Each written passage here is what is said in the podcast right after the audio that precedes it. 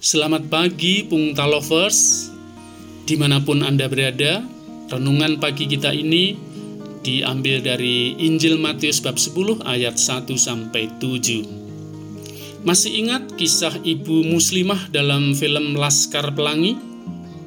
Film ini sangat inspiratif dan memberi motivasi orang untuk mencapai cita-citanya yang tinggi. Kisah menarik tentang 11 anak SD di Gantong Pulau Belitung mereka adalah anak-anak miskin tetapi punya mimpi-mimpi yang besar. Mereka berasal dari aneka latar belakang. Misalnya, Harun yang punya ketel, keterbelakangan mental. Karena ada Harun, sekolah tidak jadi ditutup. Ada Lintang anak miskin tetapi seorang jenius. Ada lagi Ikal dan Sahara yang bersama Lintang menjadi juara lomba cerdas cermat ada lagi Mahar, si seniman yang kreatif. Berkat cinta dan ketulusan ibu muslimah, Laskar Pelangi ini menjadi kelompok yang kompak, lucu, saling peduli, saling mendukung, bekerja sama. Bu Muslimah berhasil membangun motivasi mereka agar tidak terbelenggu oleh keadaan, tetapi berani berjuang meraih mimpi yang tinggi. Yesus memilih 12 murid untuk menyertai dia. Mereka berasal dari latar belakang yang berbeda-beda.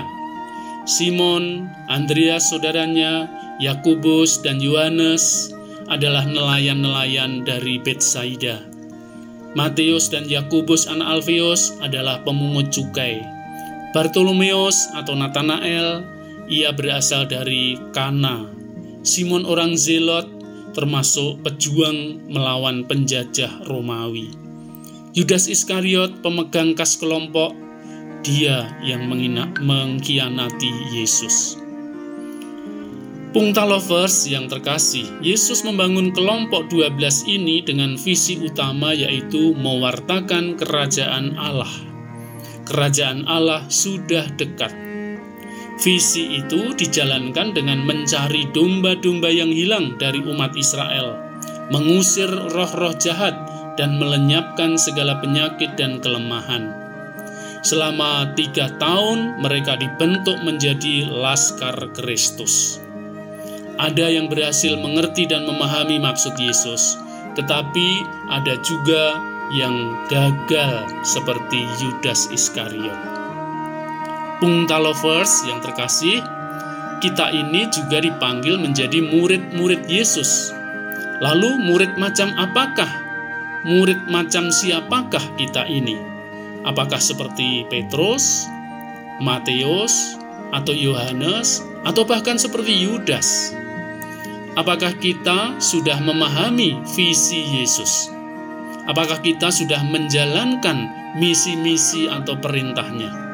Ataukah kita hanya jalan di tempat atau stagnan, tidak menghasilkan apa-apa?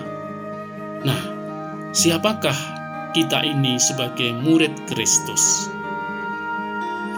Ke Wonosari beli bakso usus, semangkok harganya 15 ribuan, mengaku menjadi laskar Yesus, berani berjuang membela kebenaran.